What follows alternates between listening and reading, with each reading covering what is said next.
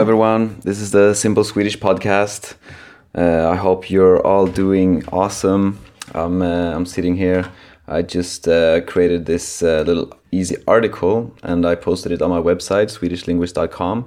So head there and, and check that out because today I'm gonna read this article. And uh, it's written as a story, it's a made up story. It's kind of sad, but.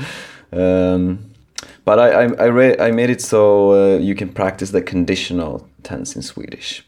And uh, I was inspired by another uh, grammatical article made by um, a woman called Eliska, who's uh, running the website slowczech.com, which is a really good website if you're learning Czech. And uh, her way of writing articles uh, inspired me to to do this grammatical article. So if you uh, wonder about the um, the conditional tense in Swedish, this will be a really good way to to uh, improve that. Um, so I'm gonna read from this article. So today I'm uh, I'm not making the transcript after I speak.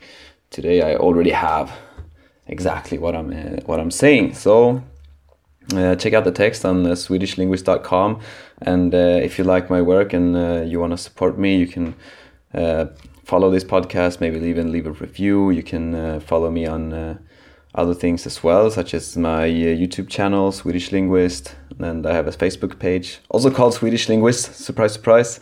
And um, yeah let's get into the article. Okay. Igår frågade erik mig om jag kunde hjälpa honom med att flytta. Han har inte betalat hyran i tid och får inte ha kvar sin lägenhet. Han är en idiot. Om han inte hade köpt en ny bil skulle han ha haft pengar kvar till hyran. Och om han inte hade krockat med sin gamla bil skulle han inte ha behövt köpa en ny. Och om han inte hade glömt dejten med sin flickvän då skulle han inte ha behövt skynda sig så mycket. De skulle fira ett år som par. Erik hade glömt det. Han satt och spelade WoW och skulle precis göra en viktig raid. Då insåg han att eh, det var idag de skulle fira ett år tillsammans och han hade fem minuter att ta sig till restaurangen. Han hade redan gjort liknande misstag förut. Om han missade den här dejten skulle det kanske bli slutet för förhållandet. Det ville han inte. Så han satte sig i bilen och började köra så fort han kunde. Han kom inte långt. Han skulle precis köra ut ur garaget då han krockade med en annan bil. Det var ingen allvarlig krock, men han missade dejten och deras gemensamma bil var nu krockad. Hans flickvän flyttade ut och han behövde betala dubbelt så mycket i hyra och dessutom köpa en ny bil. Jag tycker synd om Erik, men han får skylla sig själv. Om han hade tänkt mer på sitt förhållande än på dataspel skulle han inte ha krockat.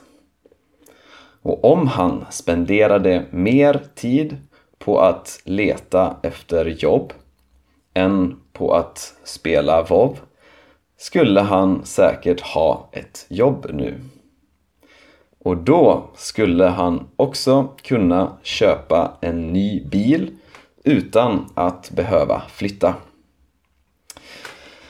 Jag gick till gymmet idag. Jag skulle träna armar, men det gick inte. Om jag inte hade hjälpt Erik med att flytta igår skulle jag inte vara så trött i armarna idag. Han har ett eh, väldigt tungt piano och det var svårt att flytta. Han har aldrig ens använt det. Jag skulle spela på det varje dag om det var mitt. Och om jag var arbetslös skulle jag spendera mycket tid på att leta efter jobb. Och om jag hade ett förhållande skulle jag prioritera det framför dataspel. Vad skulle du göra?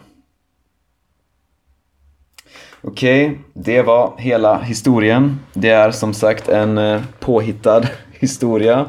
Eh, och eh, hela texten finns på swedishlinguist.com. Där finns också en ordlista och om jag får eh, tid så kommer jag också att eh, skriva en uppgift som eh, ni kan göra om ni vill träna på konditionalis som det heter på svenska. Jag hoppas att eh, det här är användbart för er och eh, ja, glöm som sagt inte att eh, kolla på texten på swedishlinguist.com och där finns Eh, självklart eh, massa andra bra saker för er som lär er svenska. Eh, ha det gött så länge så hörs vi.